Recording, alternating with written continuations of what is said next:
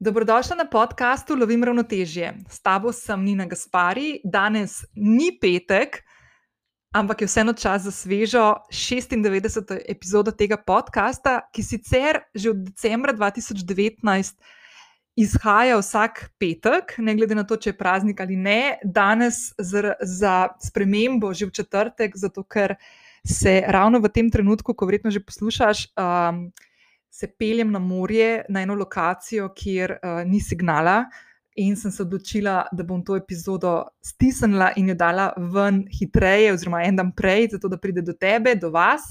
Uh, pa v tej epizodi sem se odločila, da dajem možnost vam, da mi pošljete vprašanja in da na njih odgovorim. Ker nekaj se jih je nabralo v moj Instagram nabiralnik, in ene so tako uh, zelo zabavna, smešna, ena so taka, ki ne vem, kako bom na njih odgovorila, ampak sem se odločila, da bom v njih ugriznila tako sproti, uh, spontano.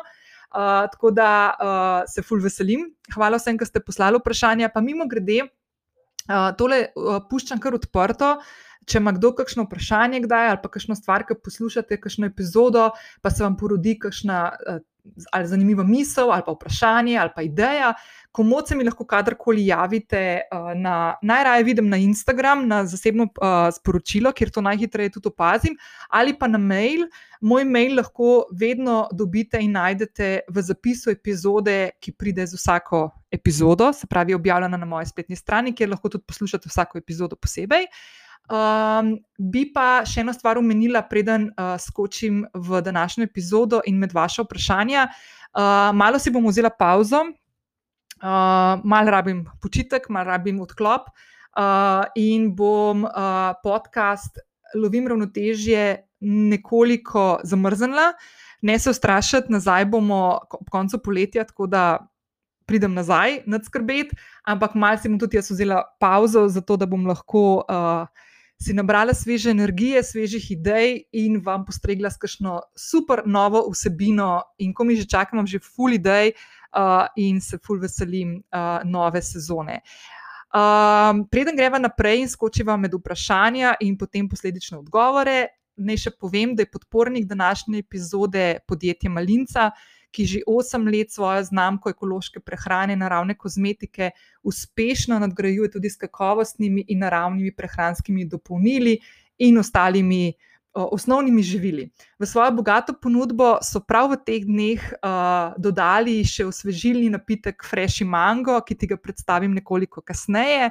Uh, če pa še nisi prijavljena na podcast Lovim ravnotežje, to lahko storiš zdaj prek aplikacije, na kateri trenutno poslušaš to epizodo. Vesela sem tudi ocen in mnen, ki mi jih pustiš na podcast aplikaciji, ali pa se mi oglasiš, kot sem prej rekla, na zasebno sporočilo na Instagramu, kjer se ti bom lahko najhitreje odzvala.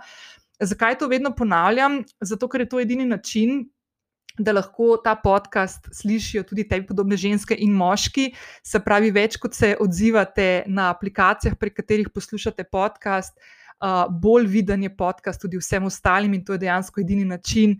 V navednicah promocije uh, podcasta novim, novim ljudem, ki bi jih te teme utegnile zanimati. Uh, Uh, lahko pa tudi pošerate uh, print screen, ko poslušate kakšno epizodo, ga objavite na Instagramu, me potegite, da bom jaz to videla in z veseljem delila tudi naprej in sem še javno zahvalila. Uh, in kot vedno, tudi tokrat te v opisu čaka povezava do zapisa epizode, kjer te čaka nekaj stvari, ki sem jih še pripravila in jih bom omenila v tej epizodi, tako da vedno lahko skočiš tudi tja. Uh, podcast lahko poslušaš tudi prek. Um, tudi prek uh, moje spletne strani. Uh, če kdaj omenim kakšno epizodo s številko, uh, lahko vedno epizodo, če, če imaš številko, najdeš tudi na ninagaspari.com, pošiljka, epizoda in številka. Tako da današnja epizoda je ninagaspari.com, pošiljka, epizoda 96. Nič, skočiva v vprašanja in v odgovore. Ok, začnimo kar na začetku. Ana je zelo enostavno vprašala, kako si. Uh, pa bom kar začela s tem, da sem kar ok. Uh, v prejšnji epizodi, uh, 95, sem govorila o trenutnem razpoloženju, ki zdaj le kakšen teden kasneje je mogoče malo boljše, ampak še vedno imam podobne izzive. Tako da, če te zanima, m, kako v tem obdobju, ko sem malo nerazpoložena, pa se mogoče na, del, na delu svojega v enem delu svojega življenja počutim malo tako neizpopolnjeno, uh, kako to upravljam s tem, oziroma um, kako je včasih fino mal. Um, Ločiti stvari, naprimer, lahko je na enem področju življenja vse super in druper, ne? na enem malo manj, in kako zdaj te stvari uravnavati in upravljati s tem. Um, če te to malo več zanima, je v prejšnji, uh, prejšnji epizodi res ful veliko uh, o tem povedala in tudi podala nekaj idej, s katerimi se še dodatno um, poskušam dvigati, uh, takrat, ko se mogoče malo bolj slabo počutim. Uh, Katjuša je vprašala, kako prepoznati potrebe notranjega otroka in kako ga celimo.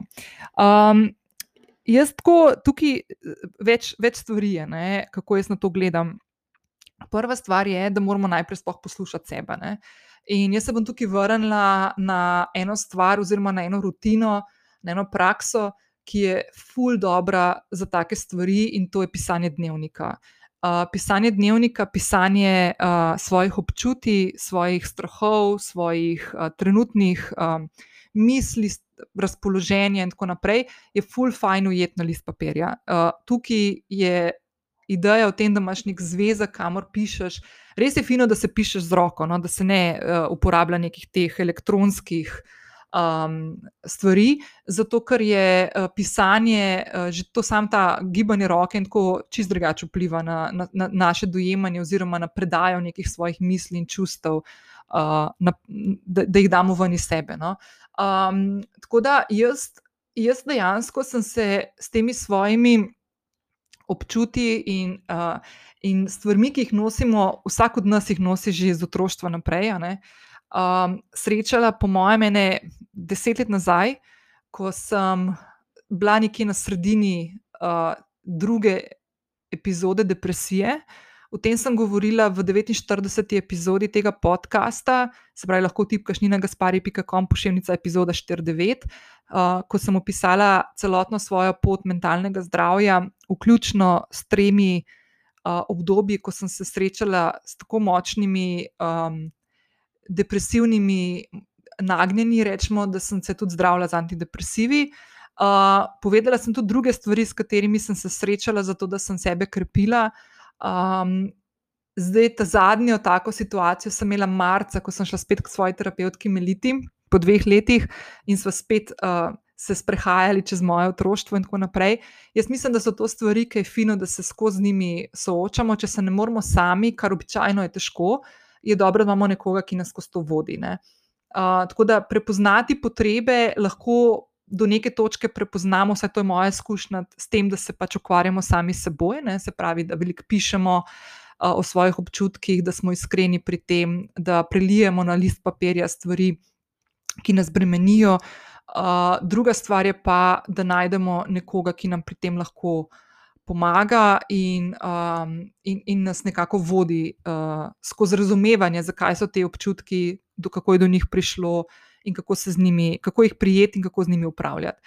Um, zdaj, če te zanima, kako začeti pisati dnevnik, pa kakšne so različne tehnike. Um, Pa dodala sem še nekaj istočnic, lahko skočiš na mojo spletno stran, uh, tudi na, tej, na zapisu te epizode bom dodala povezavo do vodiča, ki sem ga pripravila, kako sploh začeti pisati dnevnik, pa zakaj je to dobro. Uh, kot sem rekla, vključuje tudi um, istočnice, tako da ti lahko pomaga z nekim vprašanjem, kako sploh začeti in se lotiti pisanja, in kako začeti uh, v navednicah grebst v to svojo notranjost. Um, tukaj se bom navezala še na Danino vprašanje, kako ne biti svoj največji kritik in biti preprosto, vsaj enkrat zadovoljen s seboj. Uh, Uh, jaz mislim, da tukaj je ena, spet ta praksa pisanja dnevnika, tista, ki ti lahko ful pomaga. Um, to, da si svoj največji kritik, je po mojem čisto nekaj normalnega in se vsi s tem srečujemo. Uh, kako pa biti zadovoljen s seboj, pri, prihaja tako v, v, v nihanjih. Naprimer, primer. Tako kot sem v prejšnji epizodi govorila, jaz sem zdaj v tem trenutku blazno zadovoljna sama s sabo na osebni ravni, ful sem vesela, stvari so se mi poklopile, tiste, ki sem jih še nedolgo nazaj imela občutek, da se mi kar ne, ne, ne, ne sklopijo skupaj. Um, po drugi strani sem pa naprimer, na poslovnem delu imam pa zdaj tako eno tako dilemo, ki jo zdaj rešujem, oziroma iščem nek nov izziv, um, neko novo pot, kako bi želela uh, stvari peljati v prihodnje, in tako naprej. In tukaj mi ful veliko pomaga pisanje dnevnika, um, potem imam en tak formular, ki se konstantno vračam na njega uh, in iščem neke. Načine, kako najti neke ideje, ki me bodo izpopolnjevale v poslovnem svetu. Uh, Veliko teh vprašanj je vključenih tudi v delovni zvezi, kako najdeš svoj zakaj, ki ga bom polinkala v zapis epizode in si ga lahko tudi uh, izbereš na moji spletni strani. Uh, Meni se zdi ful pomembno, no, ko že govorim o tem zakaju, da spet ponovim, da kljub temu, da bo zdaj le dve leti od trenutka, ko sem jaz ugotovila, kaj je moje poslanstvo. Um, da moram povedati, da se vedno znova, ko se znajdem v takih situacijah, ko se počutim malo izgubljeno, to ne pomeni, da je poslanstvo zginilo in da zdaj kar to več ne, da, da pač ni več aktualno, ampak gre za to, da ga je treba tako malo fine-tunati. In v takih primerih um, sem jaz ful vesela, da imam dve rutini. Uh, pri roki, eno je to, da pišem dnevnik konstantno in mi to pomaga držati neko svojo raven uh, bdenja nad svojimi občutji, in druga stvar je, da vem, da imam uh, vprašalnik, ki me vodi do tega, da fine-tunam svoje, svoje notranje misli, svoje notranje vzgibe pri tem, ko razmišljam, kako in kam peljati svojo podjetniško pot naprej. Uh, in to je ta delovni zvezek, kako najdeš svoj zakaj. Tako da to so stvari, ki, s katerimi se jaz vedno in znova vračam. Uh, in mi pomagajo nekako tako, um, pomagajo mi uh, bdeti nad svojim razpoloženjem, pomagajo mi upravljati svojega notranjega kritika, sindrom usiljivca, ki mimo grede je fulmočen, dostkrat.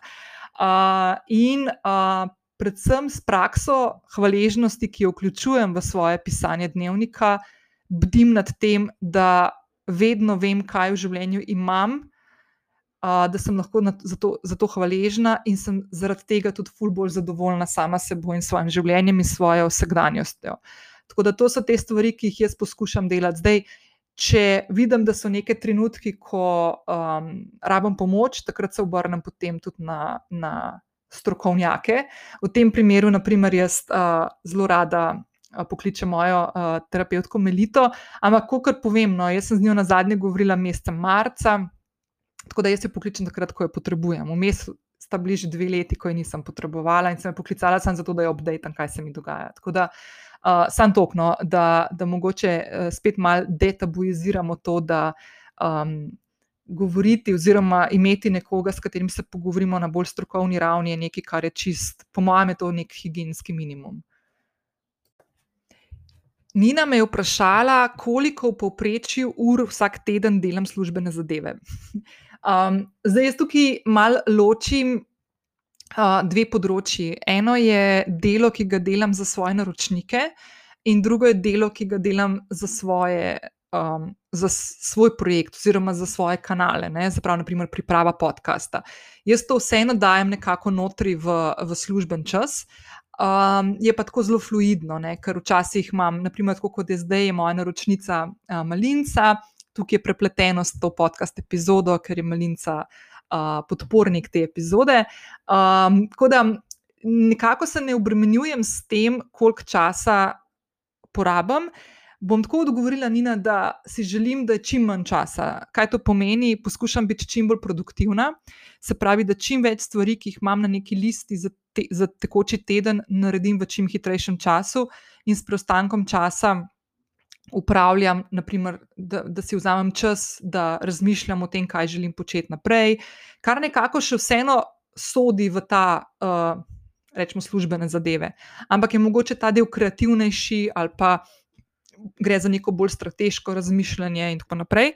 Um, tako da jaz sploh ne znam odgovoriti na to vprašanje, koliko ur je. Ne. V bistvu se mi zdi tako včasih bi znala te stvari ful enostavno uh, razložiti, pa še zraven bi prpela to, koliko sem busy, pa koliko je pomembno, da ful veliko časa delamo. Ampak dejansko je meni največji, naj, mislim, ful sem vesela. Če, naprimer, lahko rečem, da sem ful manj, manj ur porabila za določene stvari, porabila sem jih pa manj zato, ker se znam zorganizirati. By the way, ne vedno. Zdaj le poleti meni vedno razpade sistem, ker je pač poletje in je to čas, ko smo manj produktivni.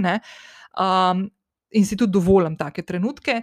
Uh, ampak, ko pa je treba in ko, tren, ko, so, ko, ko je toliko dela, znam se hitro obrniti. Zaradi izkušenj dolgoletnih, ki jih imam, določene stvari naredim bistveno hitreje, kot sem jih včasih, kar pomeni, da uh, imam veliko več časa, ki mi ostane potem za strateško razmišljanje, za kreativno razmišljanje, za razmišljanje o tem, kakšne vsebine pripravljati za podcast, za ostale stvari in tako naprej. Um, ali pa za druženje, za zasebno življenje, in tako naprej. Tako da uh, v povprečju, kaj pa vem, težko. Ne, ne bom, sploh ne bom povedala, koliko približno ur delam, ker, ker se mi zdi to tako res uh, vprašanje. Oziroma, um, kako naj rečem temu. Ne zdi se mi tako pomemben uh, razdeliti, koliko je to ur. Meni je ful pomemben, da sem čim bolj osredotočena, takrat, ko delam na stvari, ki jih delam. Uh, poskušam skupaj dajati stvari, ki so podobne. Se pravi, naprimer, vem, da imamo v ponedeljkih uh, urejam administrativne stvari in pogledam, kaj imam za tiste ključne stvari, ki jih moram pripraviti. Uh, Torke pa sredo imam ponovadi za podcast, pa za vsebine, ki jih delam, ali pa kakšen sestanek, ki ga imam, in tako naprej. Petke si ponovadi vzamem frej, zato da imam za sebe, za svoje strateške razmišljanje, in tako naprej. Tako da um, poskušam biti res ful dobro pri upravljanju časa, ampak spet, poletje ponovadi je razpad sistema, in kot sem v prejšnji epizodi povedala, je letošnje poletje enako. Uh, in uh, tukaj zdaj veliko energije usmerjam v to, da se ne obsojam preveč. In kot je Dana vprašala, kako ne biti svoj največji kritik, tukaj, naprimer, jaz da največ energije porabljam, da, sem, da provam biti ne preveč kritična do sebe, zato ker uh, vem, da bi lahko naredila več, kot v tem trenutku naredim pa je tudi to ok, da ne naredim toliko, kot bi lahko, ker je poletje tudi konec koncev čas, da si vzamemo malo zase čas, uh, pa za kakšno počivanje, uh, druženje in za, za to, da se ne dela. Tako da sem že govorila tudi o tem, kako pomembno je, da si dovolimo ta čas, da si dovolimo tudi, da nam je dolg čas, uh, kar je po mojem pri nas v Sloveniji taka. Uh, grozna beseda, če rečeš, da delaš na tem, da ti je dolg čas, ampak v takih trenutkih prideš do idej, si kreativen, razmišljaš o nekih stvarih, za katere si običajno ne vzameš časa in tako naprej. Tako da uh, mislim, da je to ful pomemben čas, ki ga namenjaš uh, stvarem, ki niso konkretno vezane na delo, so pa pomembne tudi za delo.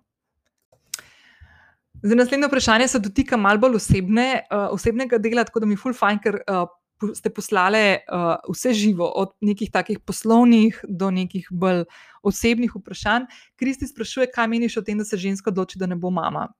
Meni se to zdi super, zakaj pa ne. Um, jaz sem o tem že veliko govorila v enem od IGTV, tako da če te ta tema zanima, lahko skočiš na moj Instagram pod IGTV videe in lahko najdeš ta, ta video. Mislim, da je strkaš dve leti, pa še vedno isto mislim. Um, jaz za sebe lahko rečem, da se nikoli nisem odločala o tem, ampak me je življenje, življenje enostavno peljalo v smer, da nimam otrok. Uh, in mi ni žal, uh, mi je fajn, uh, imam občutek, da imam izpopolnjeno življenje, da ničesar ne pogrešam. Um, imam nečaka Bresta, ki je super, uh, ga ne dojemam kot neko. Potešitev nekih svojih materinskih čutov, ki jih nisem izživela na svojem otroku. Uh, jaz sem njegova teta, on je moj nečak, fino se mava, ful se razumeva, uh, in to je to. In sem full vesela, čeprav me je bilo takrat, uh, se spomnim, ker je moja sestra povedala, da je zanosila mal strah, da bo mogoče ugotovila, zdaj že prepozno v navednicah, uh, da bi si tudi jaz želela otroka in da, pol, da, da bom pač imela kakšno stisko. Ni bilo tako. Um, tudi nikoli se nisem srečevala z nekimi blaznim, blazno težkimi vprašanji svoje okolice, zakaj nima otroka, kako to, da ne, da ne bom imela otroka, pa kaj pa če mi bo žal nekoč. Uh, ne vem, jaz živim mogoče v okolju, kjer ni bilo teh pritiskov na vednicah, skozi vprašanja velik. Uh, če so se pa pojavili, sem pa, sem pa enostavno povedala, da pač to ni neka pot, po kateri uh, želim jaz hoditi. Um, in enkrat je, se spomnim leta nazaj, ko sem na enem kosilu s kolegico Barbaro, uh, mi je rekla, veš, če bi si želela, če bi si res želela otroka, bi ga že imela. In meni se zdi to res tako edin, mislim, tako enostaven, enostavna misel, ki je pa ful močna. In jaz se vedno na njo spomnim, ker naprimer dobim tako vprašanje, kot mi ga je zdaj, na primer, Kristi poslala. Meni se zdi to, da živimo v družbi, kjer se lahko vsak od nas odloča po svoje, se mi zdi super, smiselno in edino pravilno. Uh, in jaz podpiram, tako kot naprimer. Se mi zdi blazno pomembna odločitev vsake ženske in moškega, ki se odločite, da boste starša, se mi zdi enako pomembna odločitev tudi moškega ali pa ženske, ki se odloči, da ga ne bo imela. Tako da tukaj se mi zdi, um, ne vem, spoh, se mi zdi tako mogoče brez veze izgubljati neko energijo in čas za take, take debate, ker se mi zdi, da tako bi mogli biti in bi in vse ostale stvari, s katerimi se doskrat mi obremenjujemo za nekoga drugega, se mi zdijo čist uh, obsolet in čist zguba časa in energije. Tjaša me sprašuje, kako tvoj nov partner gleda na to, da si dokaj javna oseba. Um, zdaj imam malo, ok, bom tako povedala. Um, prejšnji, v prejšnji epizodi sem povedala, da sem zaljubljena uh, in da sem svoje področje zasebnega življenja, ki sem ga kar mal opuščala v zadnjih letih, ker sem se veliko bolj fokusirala na svoje poslovno, podjetniško življenje, sem ga mal zanemarjala. Sem se odločila, da bom v letu 2021 več energije usmerila v ta del, in se je zelo hitro potem tudi uh, zavrtelo, in, um, in se je zgodilo tisto, kar sem si fulž želela, in to je, da najdem enega partnerja, uh, ki bo, um, kako naj rečem, ki me bo podpiral. Uh, In en kup enih drugih stvari, ki sem v prejšnji epizodi govorila, ne bom zdaj ponavljala. Tako da, če to zanima, skoči, skoči tja. In by the way, uh, ful se spet nanaša tudi na pisanje dnevnika, ker sem dejansko partnerja, ki ga danes imam ob sebi, zapisala, kakšnega si želim v dnevnik lansko leto. Uh, tako da še, ena, še en razlog več, zakaj je pomembno dnevnik pisati da res pri sebi ugotoviš, kaj je tisto, česar si želiš, da potem lahko prepoznaš te stvari, ko se ti v življenju zgodijo, ali pa ljudi, ki ti pridejo v življenje in jih prepoznaš kot ljudi, ki si jih priklical dobesedno. Um, Moj partner, mi dva sva se odločila, da o najnem odnosu ne bova govorila javno prek družabnih omrežij, uh, kar ne pomeni, se ne skrivava, ampak uh, uh, ne, bova, ne, ne govoriva o tem, tako da ga tudi ne bom objavljala. Um, v bistvu me ful podpira. No? In zdaj uh, tudi on. Je, ga ljudje poznajo, tako da približno ve, kaj je to. Jaz mislim, da je on, fulj smešen, ker ne morem povedati, kdo je. Ampak, ok. Uh, skratka, uh, fulj me podpira, uh, je drugače človek, ki ni na družabnih omrežjih prisoten, nekaj zelo velik. Um, tako da mu je to malo uh, novo, um, ampak je, um, je fajn, no, zato ker mi je super, ker se kdaj s kom srečamo v mestu. Um, pa se zgodi, da njega kdo pozdravi ali mene kdo pozdravi, tako da je, je tako luštno. In, um, gre za to, da en drugega ful podpirava v tem, kar počneva, in se mi zdi to nekaj najlepšega, kar si lahko dava. Um, je pa tako, kot sem rekla, uh, ne bom ga objavljala, saj nimam nobenega namena, no, never se never, ampak zaenkrat ne, tako da, uh, tako da, ja, tako da to je to, kar bom povedala o njem. um, ok, uh, Francine Upcycling, upam, da sem prav povedala. Uh, na svet za mlade, ki se po končanem študiju želimo podati na samostojno pot, predvsem v teh časih, um, samo eno besedo, pogum. V bistvu ne, dve besedi, pogum pa zaupanje vase. Um, te časi zdaj niso čisto nič drugačni kot kakšni drugi fulje priložnosti na trgu, um, fulj se da najti delo. Uh, če imate dobro poslovno ali pa podjetniško idejo, uh, ki vključuje med drugim, seveda tudi to, s kom se pogovarjate, kdo je vaša ciljna skupina, uh, kupec, naročnik, um, stranka. Uh, če to res dobro speljete in, in, in si zastavite, uh, potem ne vem, zakaj vam tukaj ne bi šlo. Um, Tle bom še dodala, da me je Neja vprašala, kaj moram vedeti o odprtju svojega prvega SP-ja in kam se obrniti po več informacij. Um, dejte te stvari tako uh, malo pogled na iPad, od, odpreti podjetje danes res traja par minut. No. Uh, zdaj, ko imamo vsi digitalna potrdila, ki smo si jih mogli, mislim, mogli, ki smo si jih naredili tudi zaradi teh uh, digitalnih certifikatov, cepljenja in tako mislim, tisti, ki ste si jih. Uh, Pol je to še tako, da lahko od doma praktično narediš. Uh, za SP je zelo enostavna zadeva, pač se odpre na iPadu. Jaz vsakmu predlagam, da si tudi še računovodski servis uredi, zato da imaš te stvari urejene. Um, drugač pa, um, imejte dobro idejo, zaupite vase, pa bodite ful proaktivni. Um, Prej, ko sem govorila o tem, kam je. Um, Nina vprašala, koliko v povprečju ur tedensko delam, ne, službene stvari. Jaz sem bom eno stvar povedala, če si iskrena. Za tiste, ki nimate mogoče izkušnje še delati v nekem eh, neki, uh, redni zaposlitvi, da ste pač zaposleni v nekem podjetju in tako naprej.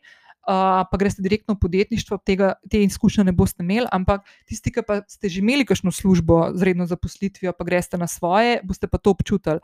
Da sploh na začetku boste veliko več časa in energije usmerjali v svoje delo, ko boste enkrat na svoji poti, kot prej, za bistveno niže plačilo. Kaj to pomeni? Prav, na začetku poti, ko se šele postavljaš na noge, ko iščeš svoje stranke, naročnike, kupce, je treba ful veliko energije v to vložiti. Um, izkupiček vsega je nižji, zakaj? Zato, ker ogromno enega časa gre v to, ogromno uh, energije gre v to, uh, stroške nosimo sami, se pravi, ne, nimamo tiste plače vsak mesec, ki, že, uh, odšteti, ki so, kjer so že odšteti prispevki, in tako naprej, ampak moramo te stvari sami porihtati.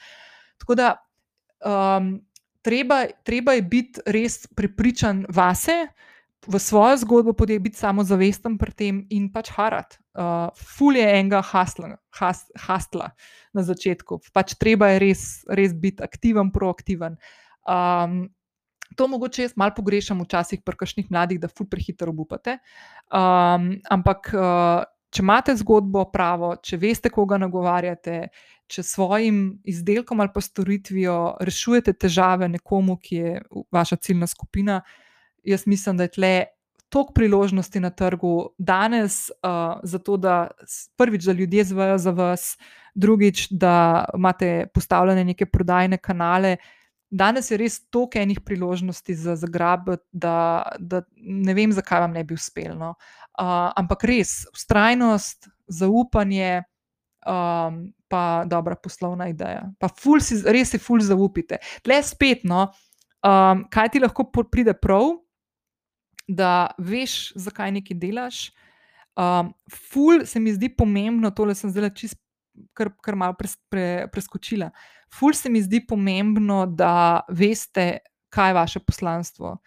Um, ko greš enkrat na svojo podjetniško pot, um, jaz, na primer, si ne predstavljam, da bi delala nekaj, kar me ne veseli, kar ni nekako povezano, prepleteno z mojimi vrednotami, z mojimi strastmi, uh, z mojim zakajem. In ta zakaj prepleta dve stvari. Eno je, so neke osebne moje stvari iz mojega privatnega življenja, spravo to, kdo sem jaz kot Nina in drugo je neka podjetniška ideja, ki jo prepletem s tem. Sprav nek presek med tema dvema. Uh, zato, da lahko vsak dan, ko se zjutraj zbudim, mislim, ne čisto vsak dan, sem že povedala, da polet imam jaz tako malo problem, ampak večino, večino dni, ko se zjutraj zbudim, sem vesela, ko grem in ugriznem v tiste stvari, ki me tisti dan čakajo, pa tisti teden čakajo na moji tudi listi. Uh, brez tega, ne vem, si ne predstavljam no, delati. Uh, pa živeti, če si iskreno. In ko greš enkrat na svojo podjetniško pot, imaš tukaj možnost, da te stvari narediš res, res full veliko. Uh, bistveno večjo, kot naprimer, če si zaposlen v kakšnem podjetju, kjer včasih moraš, ali pa velikrat moraš delati tudi kakšne stvari, ki te mogoče ne veselijo. Tako da tle je full fine se poigrati s tem, kaj dejansko želim. Česa si želim, kje ležijo moje strasti, in te stvari preplesti z nekimi uh, poslovnimi idejami in, um, um, in, in nekimi poslovnimi potmi. Zdaj, če te to zanima, spet no, bom, bom omenila, da sem dala ravno zaradi tega, uh, ker se toliko ljudi name obrača s temi vprašanji, sem naredila ti zvezek, uh, kako najdeš svoj zakaj, ki sem ga polinkala uh, spodaj v, uh, v zapisu te epizode. Uh, Ful ti bo pomagal um, najti svojo neko, neko pot in presek med tvojimi osebnimi strastmi in podjetniško idejo, in kako jo zapeljati. Tako da jaz bi tlele definitivno svetovala, če koga to zanima, pa če še nima, skočite v mojo spletno trgovino, pa si to uh, kupite, ker vam bo res fulul pomoč.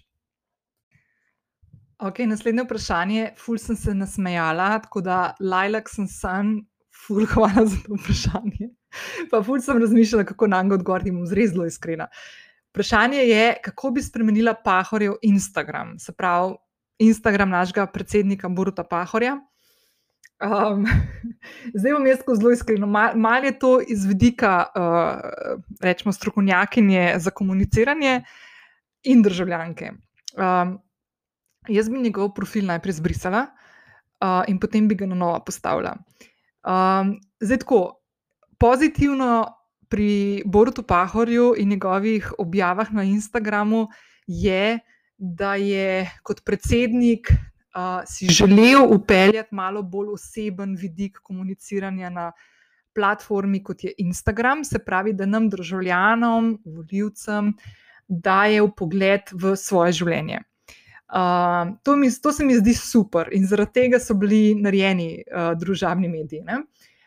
Um, kaj se mi pa zdi absolutno sporno in ne ok, je pa način, kakšne vsebine on objavlja. Um, jaz mislim, da imamo pri nas, da imajo javne osebnosti, predvsem, osebnosti, predvsem politiki, no? uh, predvsej težave.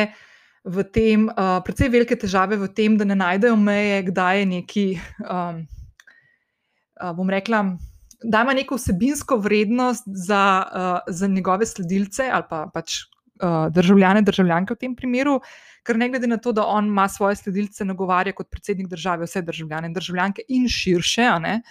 Um, jaz mislim, da tukaj ne zna najti nekega načina, kako biti oseben in biti še vedno, um, um, bom rekla, tako spoštljiv v navednicah do, do, um, do uh, uh, položaja, ki ga predstavlja in to je predsednik države. Ne?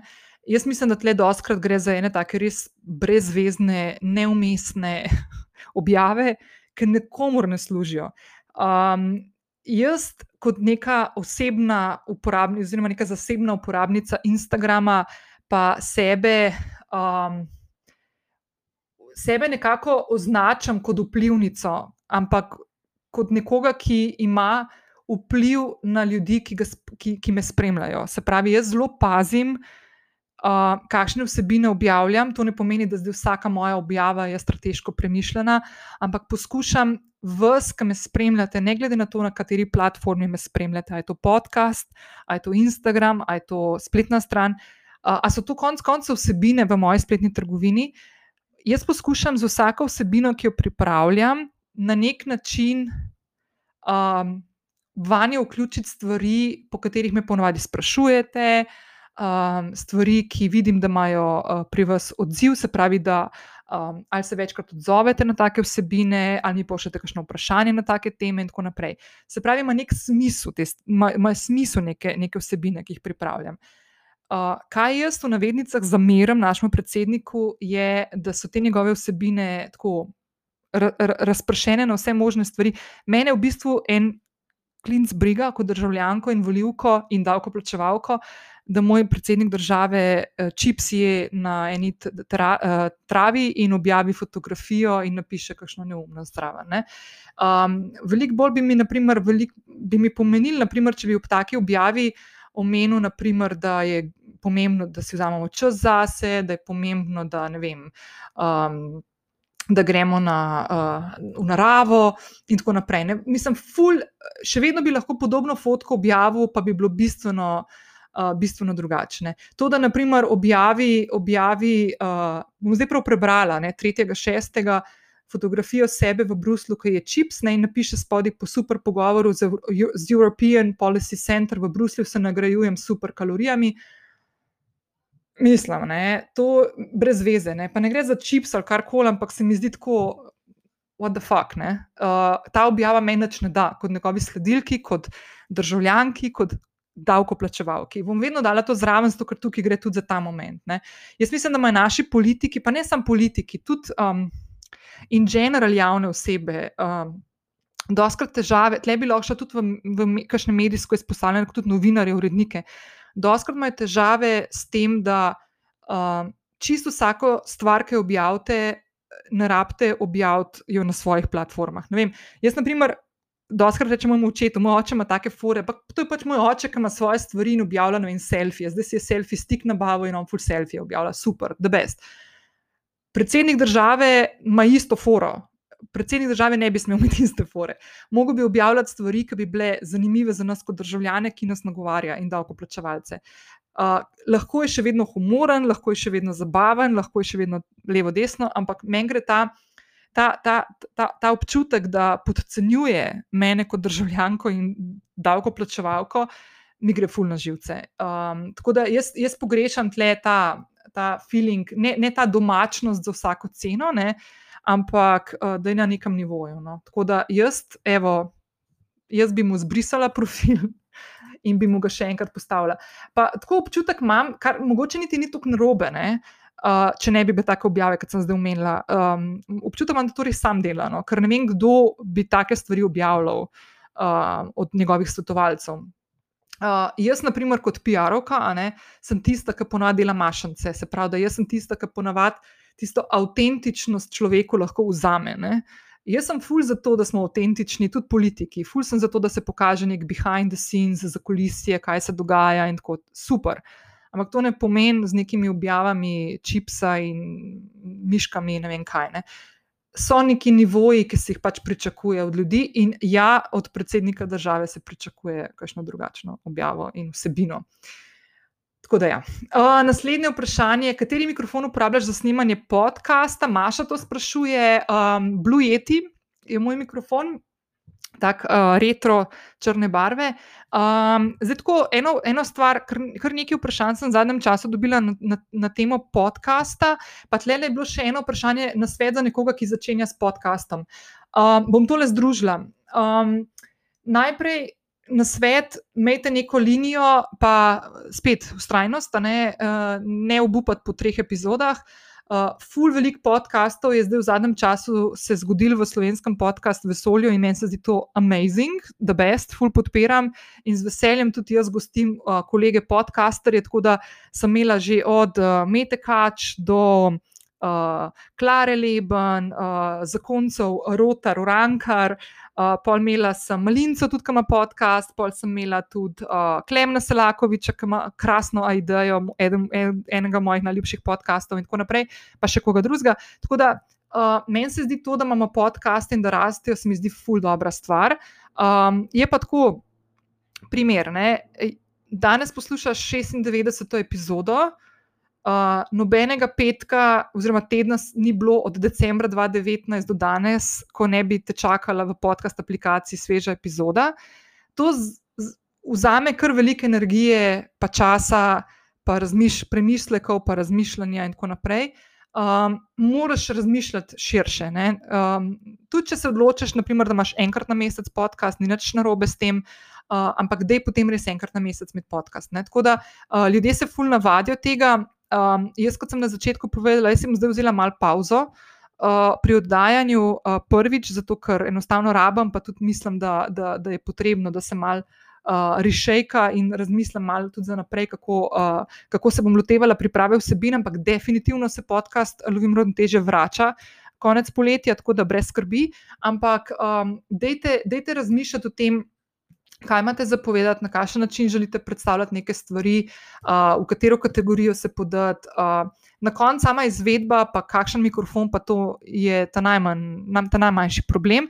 Če pa kdo rabi kakšne informacije o tem, kako se je fajn lotiti podcasta, kakšne, kakšne platforme se pri tem uporablja, ko se snema, ko se dela editing, ko se oddaja in tako naprej mi pa lahko kadarkoli pišete, lahko mi pišete na e-mail, ki ga najdete v zapisu te epizode, čist na koncu, ali pa na Instagram, pa z veseljem vsakmu pomagam, pa povem, kako jaz to delam, uh, ker se mi zdi to res nekaj tazga. Tako da, če koga zanima, kar dvigate roko, pa me pocukite.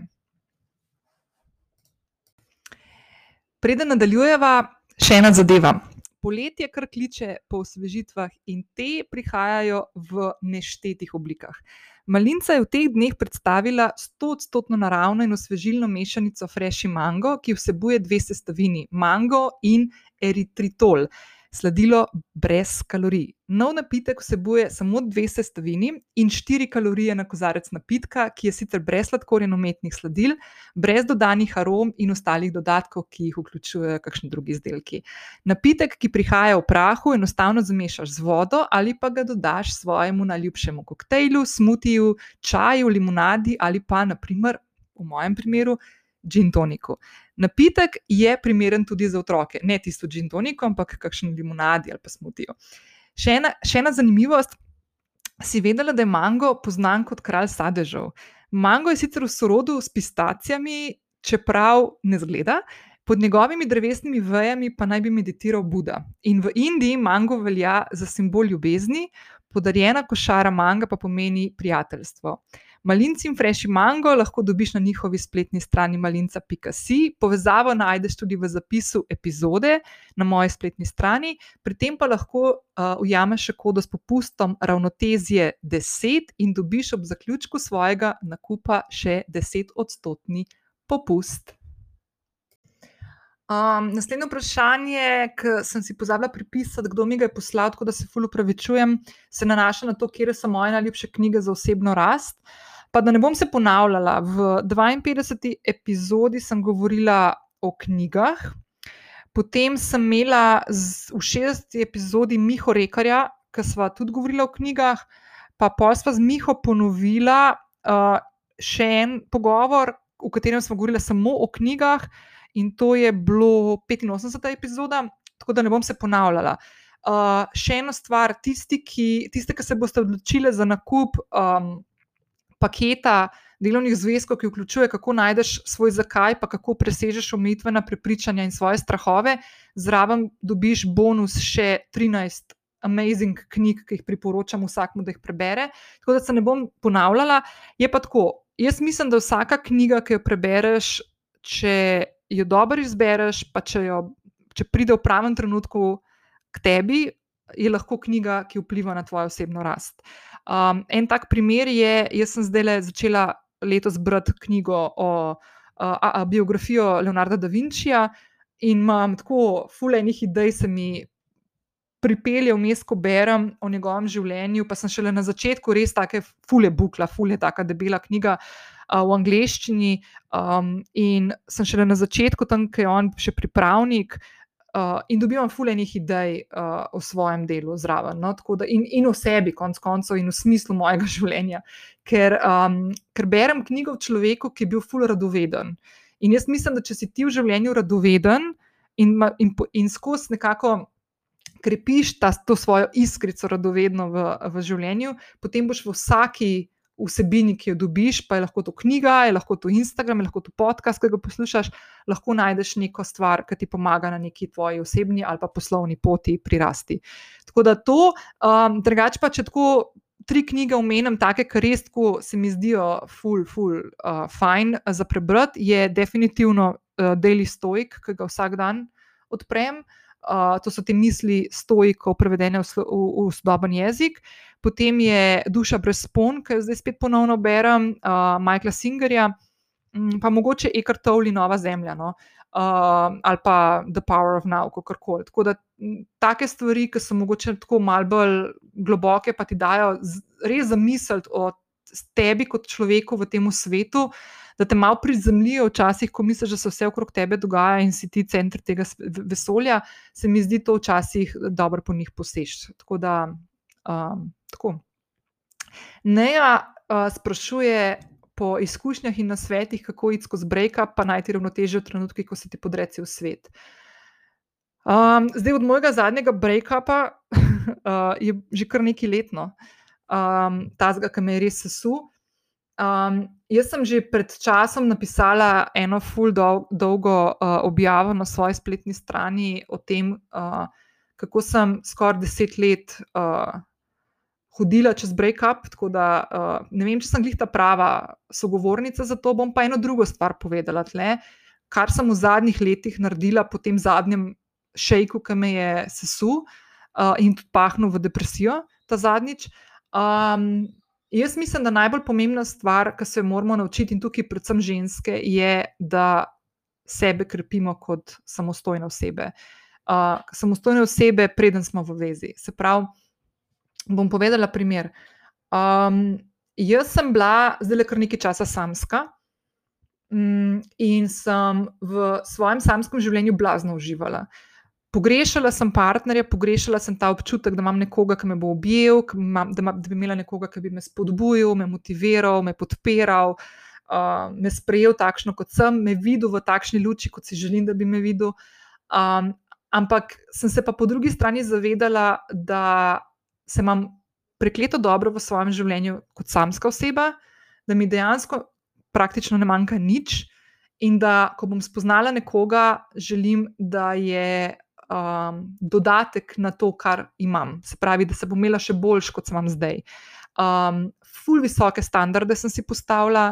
Um, in, um, in zdaj, ko sem, sicer sem na začetku veze, ampak zdaj, ko sem v vezi, lahko rečem, da mi je ful dobr, ker te standarde držim in jaz, in moj partner, oba. Um, živiva v bistvu. Um, kako naj to rečem? Živiva v vezi, kjer smo oba samostojni osebi. In je to ful pomembna stvar. Se pravi, um, moja, moje počutje, dobro ali pa slabo, ni vezano na to, da me more kdo od zunaj spraviti v slabo voljo ali pa dobro voljo. To ne pomeni, da sem hermetično zaprta teflon, iz teflona in da nobena stvar na me ne vpliva. Absolutno ne. Ampak ne pomeni pa tega, da sem. Um, da vsaka stvar, ki se zunaj mene zgodi, me spravi v obup ali pa pahne v neko paniko ali pa ne vem, uh, občutek, da nimam moči uh, in, in, in odločitev, da nimam, moči, uh, da nimam možnosti sprejemati odločitev, kaj želim v svojem življenju delati, oziroma kam želim peljati svoje življenje. Um, pravi, gre tudi za prevzemanje odgovornosti. Uh, zdaj, ko se enkrat se zgodi break-up, fulje lahko biti pameten. Jaz predvsem mislim, da je pomembno, da si vzameš čas in da sebe postaviš v center. Um, tudi, ko si v vezi, si ti na prvem mestu, ker če ti nisi zadovoljen sam s sabo in v svojem življenju, potem ne boš mogel biti tudi dober partner oziroma partnerka nekomu drugemu, ki ga imaš ob sebi. Um, tako da to je ena stvar. In druga stvar je, se bom vrnila nazaj, uh, da mislim, da je najboljša stvar v tem v te, v času, ko se ti zgodi breakup, da pa se na sebe fokusiraš in tukaj ti res, ful, ful, ful, pride prav pisanje dnevnika. Se ful vračam nazaj k tej rutini, ampak enostavno je ne morem spustiti, ker se mi zdi, da je to res tako naj, naj, najboljša možna stvar, ki jo lahko zase narediš. Zdaj, če je breakup ful močen, so tukaj še terapije. Vse take stvari, ki jih lahko vložiš vase, Eh, časovno, tudi finančno, konc koncev, duhovno, karkoli lahko narediš, da skrbiš za sebe in da sebe postaviš v center, egoistično, da rečeš ne stvarem ali pa ljudem, ki jih nočeš v tistem trenutku okrog sebe. Včasih je treba tako res pa meje postaviti, pa, pa biti zatežen, če je treba, zato da zaščitiš tiste stvari, ki so tebi v tistem trenutku pomembne in da skrbiš za sebe. Uh, to so stvari, ki, so, ki, ki morajo postati prioriteta. Um, in ja, tako da jaz bi to rekla, uh, ravnotežje, na tem je treba pa delati. Zdaj, prakse, prakse uh, ravnotežja, uh, pa rutine, uh, sem jaz o tem govorila, bom zelo pogledala v. Sam da najdem uh, 13 rutin za boljše počutje v 66. epizodi, Um, pa mislim, da sem dala tudi pred kratkim v.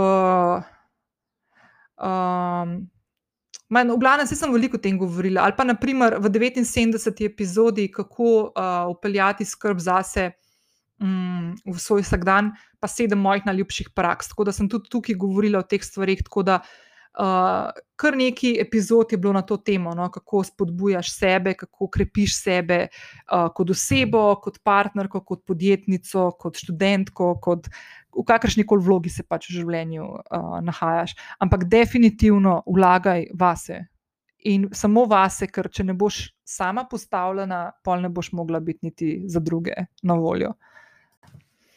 Um, še eno vprašanje, ki sem zgleda pozabila napisati, kdo mi ga je poslal, tako da se upravičujem. Kaj te najbolj motivira pri delu vplivnice?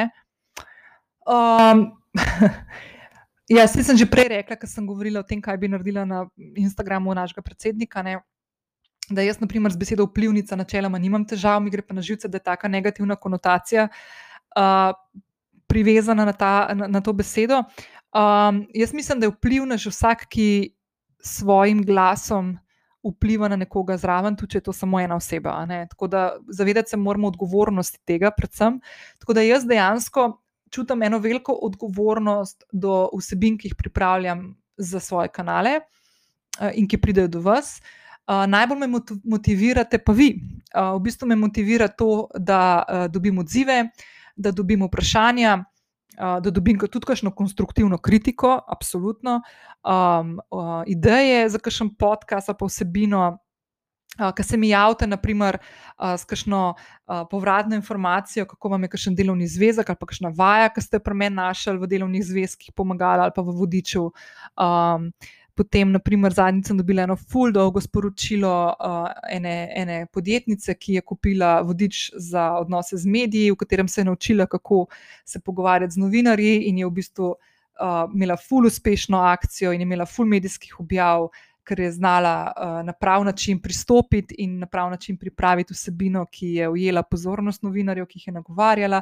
Tako da take stvari so meni full pomembne. Se pravi, to je, to je dejansko tisto bistvo ki ga želim um, uh, predajati, uh, vsebine, ki jih želim dajati, zato da vam pomagajo pri svojem vsakdanu, ali to na poslovni, podjetniški poti, ali pa v nekem zasebnem življenju, ko iščete neke načine, kako se sproščati. Um, to je tisto, kar sem razlagala, kaj je moj zakaj, kaj je moj namen.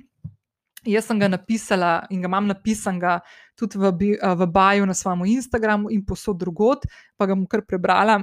Bodočim in, in obstoječim podjetnicam pomagam graditi odmevne in uspešne zgodbe.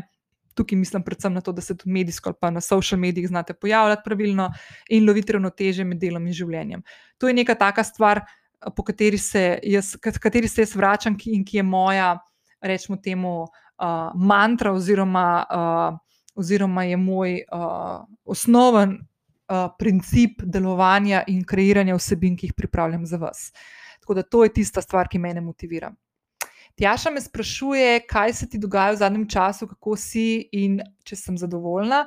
Zdaj, v prejšnji epizodi sem ful, ful veliko o tem govorila, tako da če še nisi poslušala, skoči tja. Ampak jaz sem, uh, hvala Tjaša, v redu sem, uh, zadovoljna sem, imam en kup enih stvari, ki jih moram porihtati in pošlihtati, kot vedno, tako work in progress, ne nehno. Uh, mogoče sem malo bolj uh, sprejela spet ta koncept, da, uh, ne, da sem nenehno v nekem work in progressu, malo bolj kot prejšnji teden, ampak to so ta nihanja, ki jih imamo vsi. Spravi, en teden smo malo bolj zadovoljni, ali pa en dan smo malo bolj zadovoljni kot naslednji. Uh, in je to ful normalno, uh, samo fino je, da bdiš nad tem, da ne greš v prevelike ekstreme, gor ali pa dol. Tako da, uh, tako da sem v redu. Kaj se mi dogaja v zadnjem obdobju? Uh, uživam v poletju. Uh, veliko hodim okrog, tudi zakaj gre epizoda v četrtek ven ta teden, če poslušaš to v realnem času, zato ker grem na, na morje, nekam, kjer ni nobenega signala in se fulj veselim tega. Um, vesela sem, da sem bila na počitnicah malo daljših, že letos v Italiji. Uh, vesela sem, da imam ob sebi človeka, ki ga imam rada in ki me podpira, in imam mrt nazaj. Uh, tako da sem tudi zaljubljena, uh, delam stvari, ki me veselijo, uh, in ful se veselim uh, prihajajočih mesecev, ker vem, da bom kar ene par novih stvari pripravila in ko mi čakam, da vam jih predstavim. Tako da, evo to. Ajda me sprašuje, katero vprašanje ti gre najbolj na živce. Uf, uh, kje je vprašanje? Uh, ma vedno mi je šlo na živce vprašanje, kje se vidim čez pet ali pa deset let, ker se mi zdi to tako malo.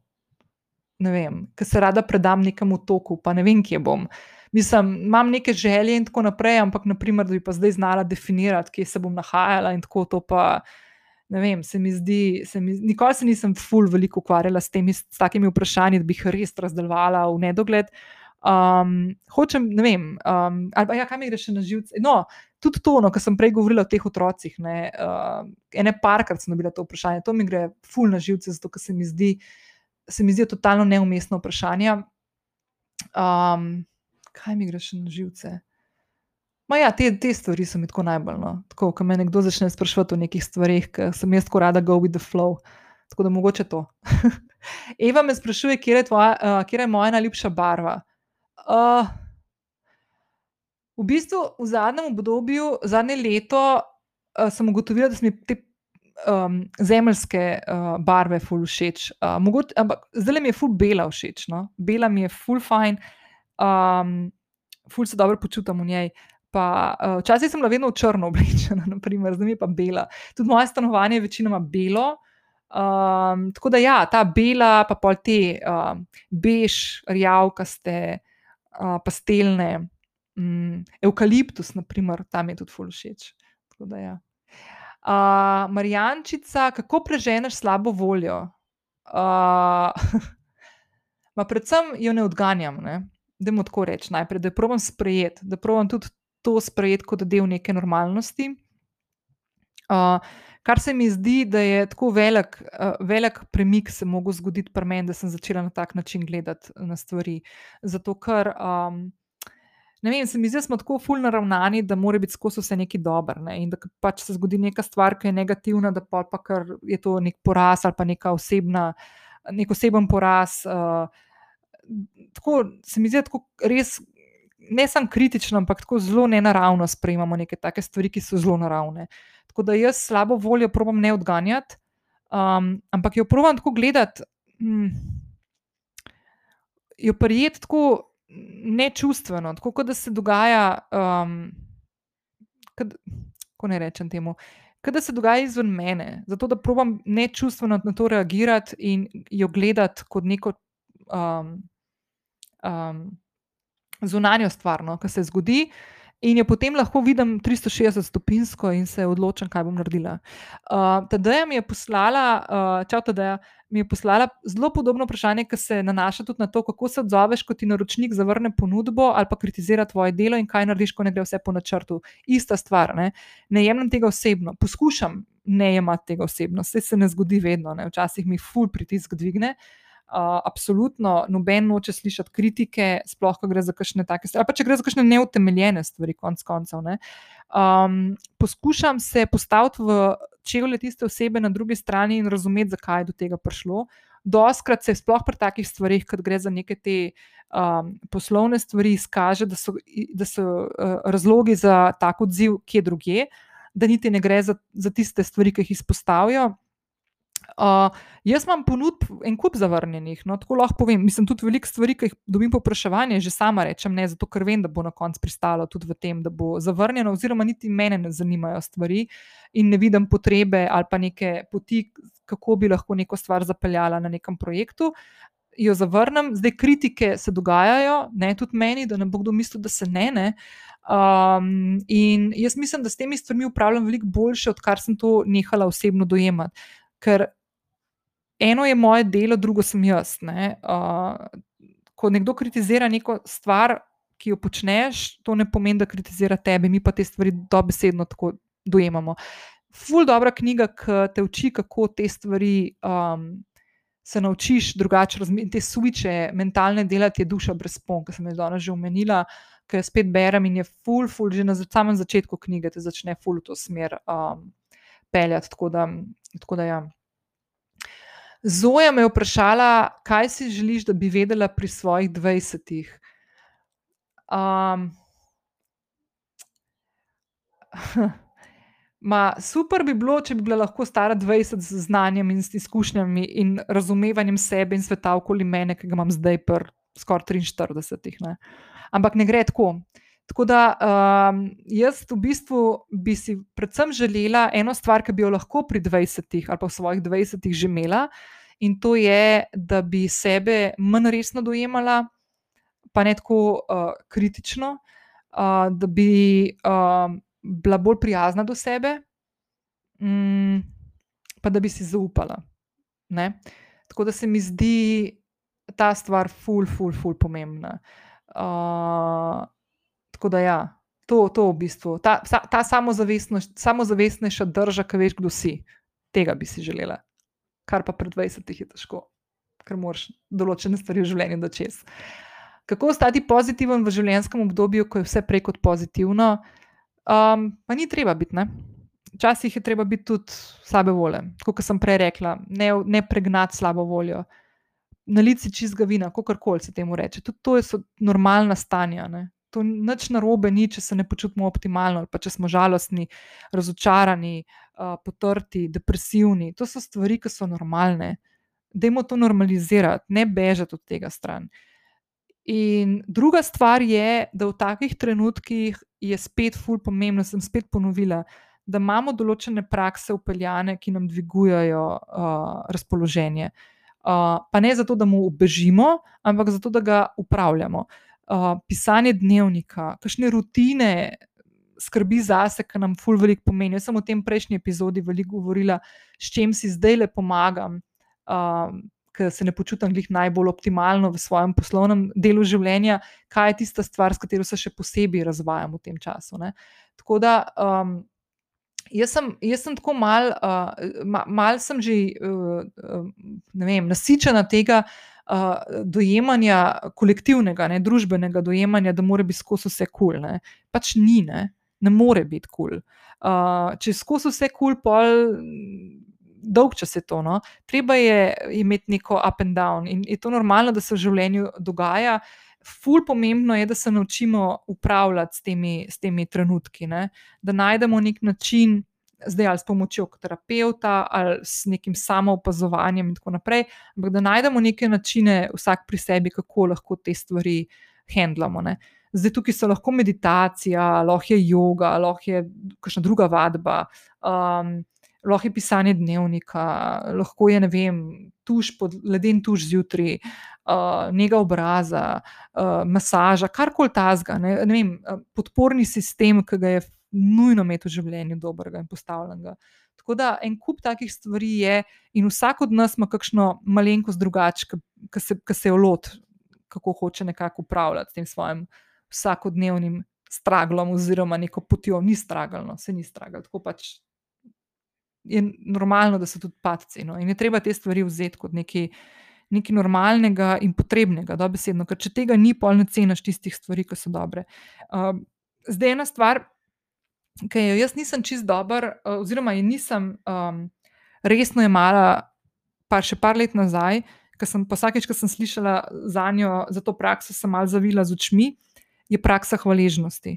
Se pravi, da najdemo vsak dan en trenutek, ko, ali, ali takrat, ko pišemo dnevnik ali kar koli, najdemo nek trenutek, ko se ustavimo in pomislimo na stvari, ki jih imamo.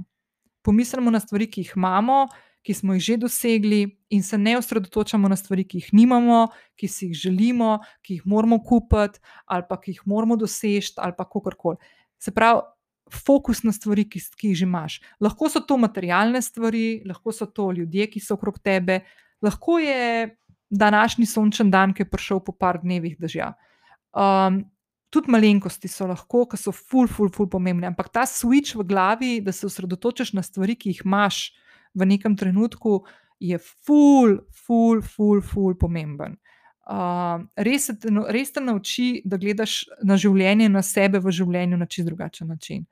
Tako da, uh, če tega še niste začeli, sem res priporočam, da te stvari uh, zagrabite z obema rokama. No? Uh, Tako da, ja.